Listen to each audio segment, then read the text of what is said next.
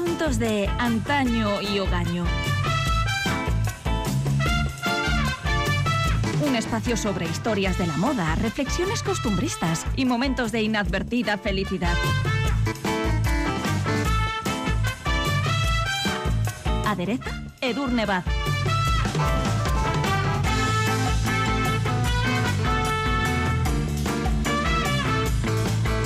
Hace unas semanas, en el marco de nuestros asuntos de antaño y hogaño, inauguramos una serie temática bautizada como Influencers de antaño y hogaño. Hombres y mujeres que causaron o que causan sensación y que de un modo u otro tuvieron o tienen un impacto notable en los usos, costumbres, debates y, por supuesto, atuendos de sus respectivas épocas.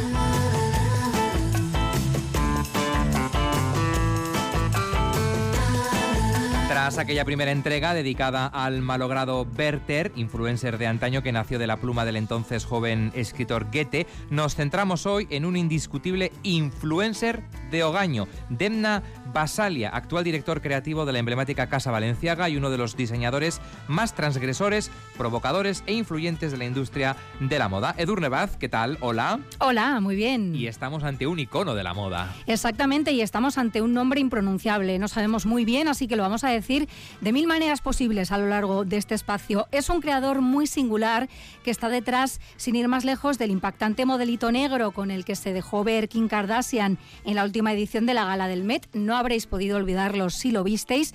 No dejaba ni un centímetro de piel a la vista, rostro incluido, pero marcaba a la perfección su curvilínea silueta y eso la hacía muy reconocible. Todos supimos quién estaba debajo de esa tela negra.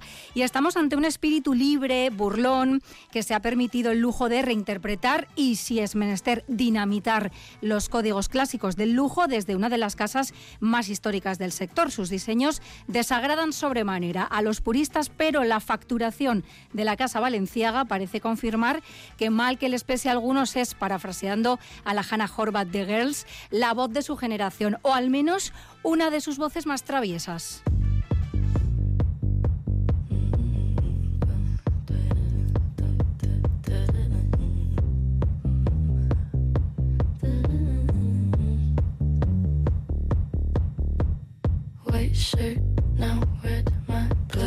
Demna Basalia no parecía llamado a revolucionar la industria de la moda. Nacido en 1981, tenía solo 10 años cuando la Unión Soviética se desintegró. Su Georgia natal se encontraba inmersa en una profunda crisis y los indignados disturbios callejeros eran una constante. Este es el contexto en el que tenemos que empezar a dibujar la imagen de Basalia. Y hay que decir que el joven Demna se enfrentaba además a otra clase de dificultades en un país que él mismo ha calificado de homófobo. Sus inquietudes, su vocación artística se consideraba poco apropiada para un hombre. Esta era una opinión que, por supuesto, compartían también sus padres, que tenían otros planes para él. En 2001, la familia se trasladó a Alemania, donde un frustrado Demna encontró trabajo en el sector financiero, pero la idea de pasar el resto de su vida dedicándose a eso era más de lo que podía soportar. Así que, en uno de los muchos actos de valentía y transgresión que tantas veces ha repetido después, puso rumbo a Amberes, donde ingresó en la Real Academia de Bellas Artes una de las escuelas de arte más prestigiosas del mundo y cantera además de aplaudidos diseñadores. Allí descubrió su pasión por la moda y tras graduarse con honores se trasladó a París donde ya dio comienzo su meteórico ascenso.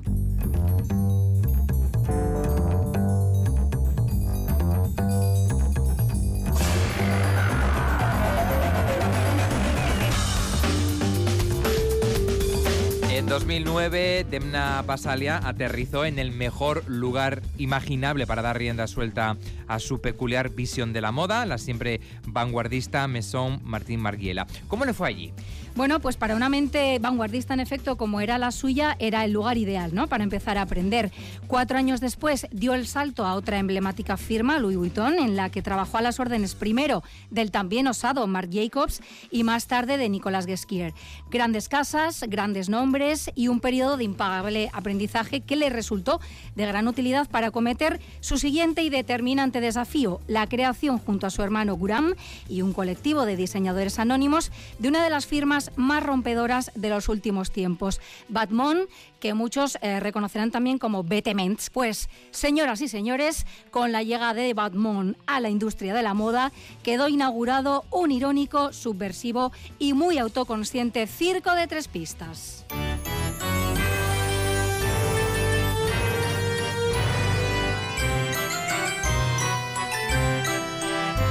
¿Y por qué decimos esto? Pues porque Betmont nacía con una indisimulada intención de poner los códigos estilísticos patas arriba y de promover a través de sus excesivas y extravagantes propuestas una revolución de la industria de la moda, desde el interior de la propia industria, ¿eh? que eso es lo interesante, desde dentro eh, transformar podemos decir que Bedmont fue un caballo de Troya, ¿no? Que se construyó, según ha confesado el propio diseñador, a partir de su propia frustración, tanto en lo tocante a su trabajo como diseñador como en lo referido al funcionamiento de la propia industria, que a él pues no le terminaba de convencer.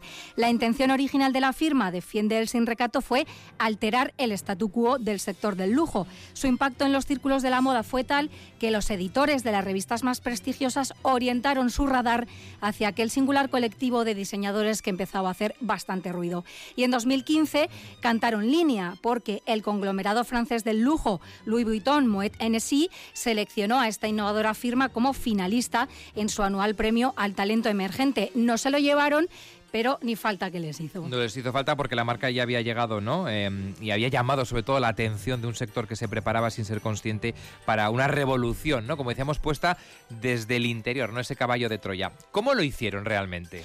Bueno, rompieron todos los códigos eh, convencionales, haciendo desfilar a sus anónimos, peculiares y además intencionadamente poco normativos modelos, con extravagantes puestas en escena, con impactantes prendas de aires postsoviéticos y género indefinido y el contexto histórico cabe decir que también les era propicio. En la era del desencanto, la desafección, el auge de la cultura urbana, Internet en general y el meme en particular, los diseños de este transgresor colectivo encontraron un terreno abonado para su ropa ruda, callejera, de aire deportivo, con volúmenes imposibles, cortes y estructuras que rozaban el disparate, patrones clásicos retorcidos a capricho y con ese punto outsider y abriendo camino, por ejemplo, a las ya célebres y por desgracia perennes zapatillas deportivas de desmesuradas proporciones, ¿no?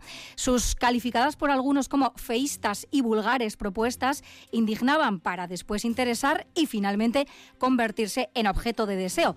¿Qué digo deseo? Obsesión, directa, ¿no? Porque paradojas de la vida, lo que se había planteado como una propuesta radical, incluso marginal y abiertamente irónica, se acabó convirtiendo en mainstream. Y llegados a este punto, es de justicia reconocer que Botmont nos ha proporcionado algunos de los capítulos más tronchantes y a la vez dignos de ese sudo debate de los últimos tiempos, como muestra un botón o, para ser precisos, un logo, el de DHL.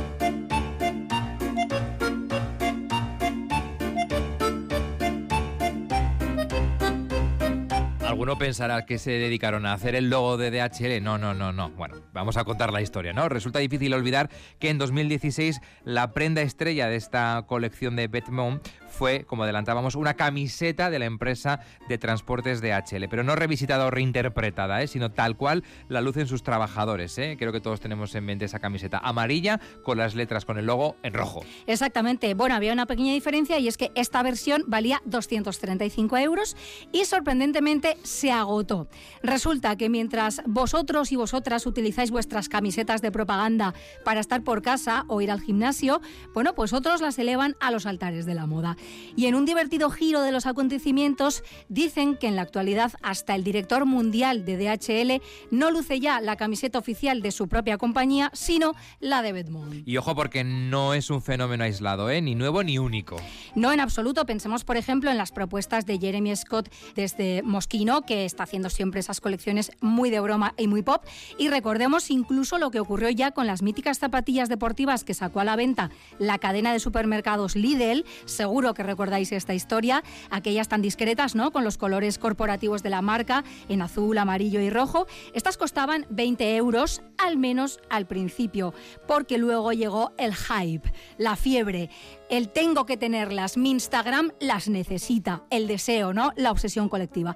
Y cabe decir que antes de su aterrizaje en España ya habían arrasado en otros países del norte de Europa donde, atención, habían llegado a multiplicar su precio en el mercado de segunda mano por 25. España no fue, por supuesto, ninguna excepción. Qué caprichosa es la moda. Exactamente. Ay, cuando se hace viral ni te cuento, ¿no? El país sucumbió también ante un fenómeno bien conocido, por otra parte, por los expertos, que es el interés que despiertan las ediciones limitadas. Y sobre todo, como digo, si se han hecho virales. Solo se pusieron a la venta 2.000 unidades y esto pues puso en marcha un desmedido mercadeo. En algunos casos orientado a satisfacer un ardiente deseo personal y en otros casos, cucos y astutos, orientado a hacerse con un par al que luego sacarle un buen pellizco en la golosa reventa. La logomanía llegaba así a las firmas low cost, que era algo inaudito, ¿no? Hasta la fecha. No le salió nada mal, por lo tanto, la jugada a Lidl, teniendo en cuenta que, atención, redoble, su anunciada colección de moda que incluía estas zapatillas resultó ser una broma del Día de los Inocentes, que se les fue de las manos y dijeron, bueno, pues en vista del resultado, vamos a sacarla realmente a la venta. Creo que hay hasta calcetines, ¿eh? Hay de todo, hay una colección completa. Las zapatillas fueron un poco la joya de la corona, ¿no? Sí, efectivamente se convirtieron en fetiche, pero bueno, empezó como una broma, vieron que funcionaba, pues nada, si lo queréis, lo tendréis. Y el resto, como se suele decir, es historia, una historia delirante.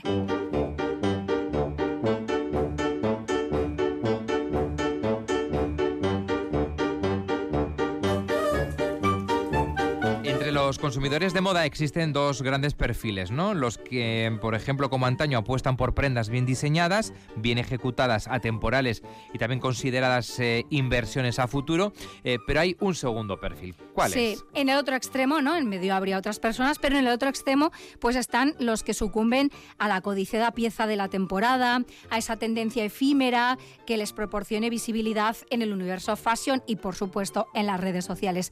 Y a este respecto, Basalia es brutalmente honesto cuando declara abiertamente que Instagram es una herramienta de promoción fácil y accesible, pero si la gente no compra ni lleva tu ropa, dice él, pues poco importa cuántos likes tengas, ¿no? Así que, en otras palabras, lo que importa es vender. Y en un mercado cada vez más saturado y más competitivo, pues la clave está en la innovación. Pero es que además, como afirmaba Marta Hurtado de Mendoza en un artículo publicado por Vogue el 30 de junio de 2016, Bedmont ha conseguido lo máximo a lo que puede aspirar una marca y es que se ha convertido en adjetivo. No hay nada que confirme con mayor rotundidad tu éxito que frases como esto es muy Bedmont, ¿no? Bueno, pues convertirte ya en adjetivo, como decía ella, es lo más de lo más. Y cabría decir entonces que Demna Pasalia había cantado bingo, pero es que en 2015 llegó ya el premio gordo de la Lotería de Navidad porque fue nombrado director creativo de Valenciaga.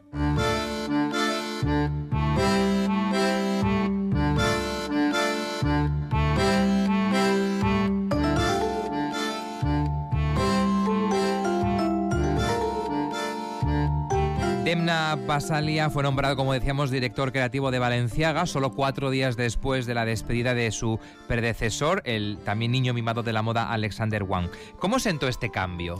Pues digamos que la elección no agradó a los más puristas y conservadores, muchos con el recuerdo del incontestable Cristóbal Valenciaga muy presente, pues se revolvieron un poco inquietos ¿no?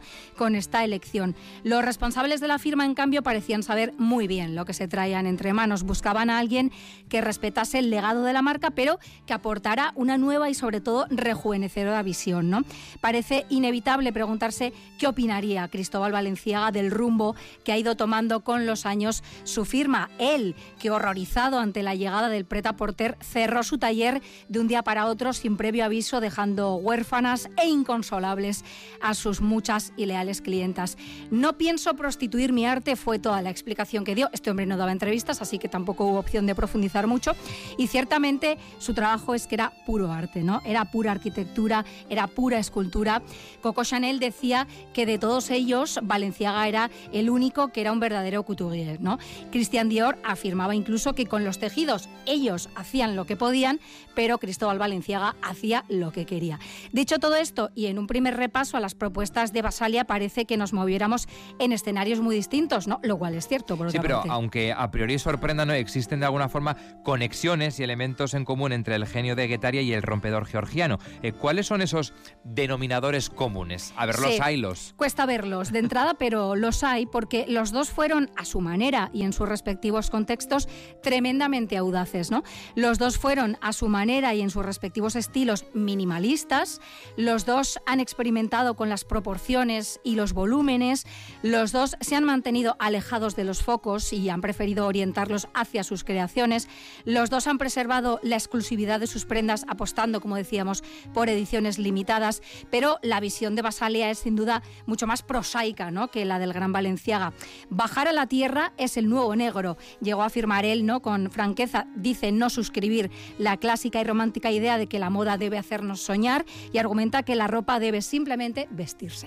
Por tanto, hay elementos comunes entre Valenciaga y Basalia. Em, fue un buen fichaje y de hecho las cifras no mienten, ¿no? Porque la Casa Valenciaga eh, desde su llegada ha disparado sus ventas, también eh, la apertura de nuevas tiendas, ¿no? O sea que eh, fue un buen fichaje, fue una decisión difícil, lo entendía en muchas ocasiones, pero que el resultado es positivo, por lo menos para la Casa Valenciaga. Claro, y ha conectado con un público muy joven también, que eso no era lo habitual, pero en seis años con este actual director creativo, la histórica firma se ha convertido en una de las más influyentes y deseadas por las nuevas generaciones, como digo. Pero si pensáis que al fichar por Valenciaga él iba a renunciar a sus travesuras, a su burlón cuestionamiento del lujo y a su característica ironía, pues eh, os equivocabais, ¿no? Porque entre otras propuestas que calentaron el debate en la industria de la moda, este hombre que logró, como decíamos, convertir una camiseta de DHL en objeto de culto, presentó al mundo, ahora ya con el sello de Valenciaga, la ya famosa réplica de la reconocible y enorme bolsa azul de IKEA, esa que todos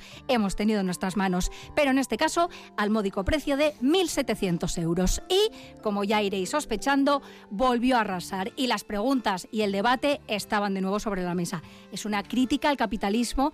¿Es una provocación? ¿Simplemente es una tomadura de pelo? Ay, con este hombre nunca se sabe y él, además, encantado de abrir un debate tras otro.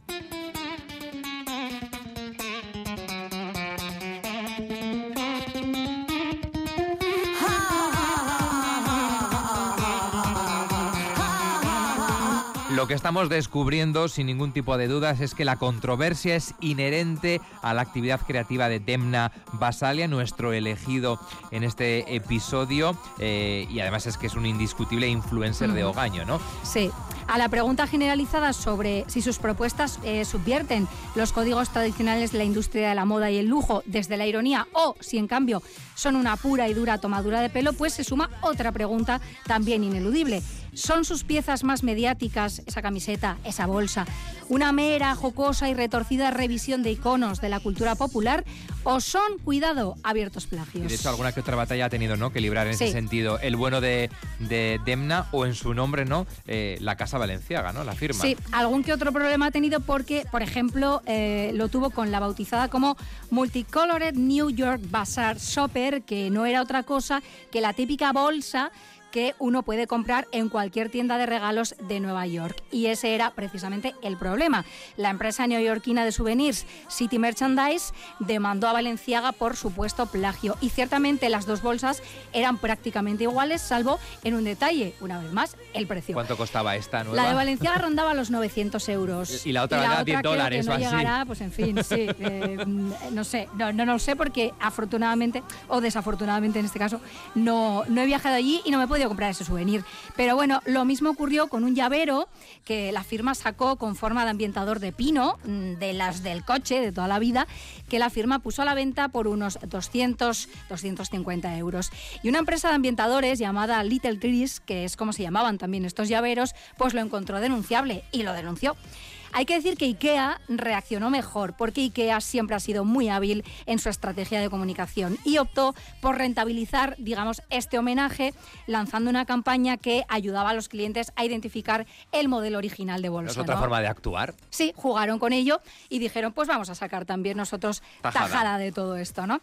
En septiembre de 2019, Basalia sorprendió con la noticia de su abandono de la firma Bedmont, que siguió adelante con su hermano al frente y con el resto de esos anónimos creadores que forman parte del transgresor colectivo, pero nuestro inquieto protagonista aún nos reservaba una sorpresa si cabe mayor, y es que el pasado verano presentó la primera colección de alta costura de Valenciaga desde que en 1968 su fundador cerrara el taller.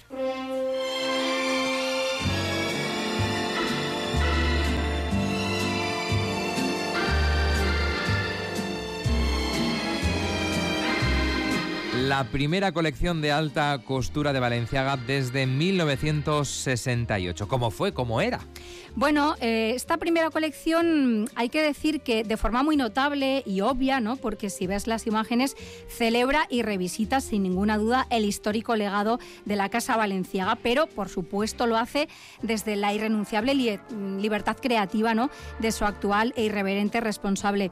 Basalia reivindica con esta aplaudida colección la importancia de recuperar la calidad, la innovación, los procesos artesanales o el slow fashion de antaño frente a la producción masiva, repetitiva, industrial y frenética de Ogaño, ¿no? Y al final resultó que aquel bromista también sabía ponerse serio, aunque esto en realidad nunca fue un secreto.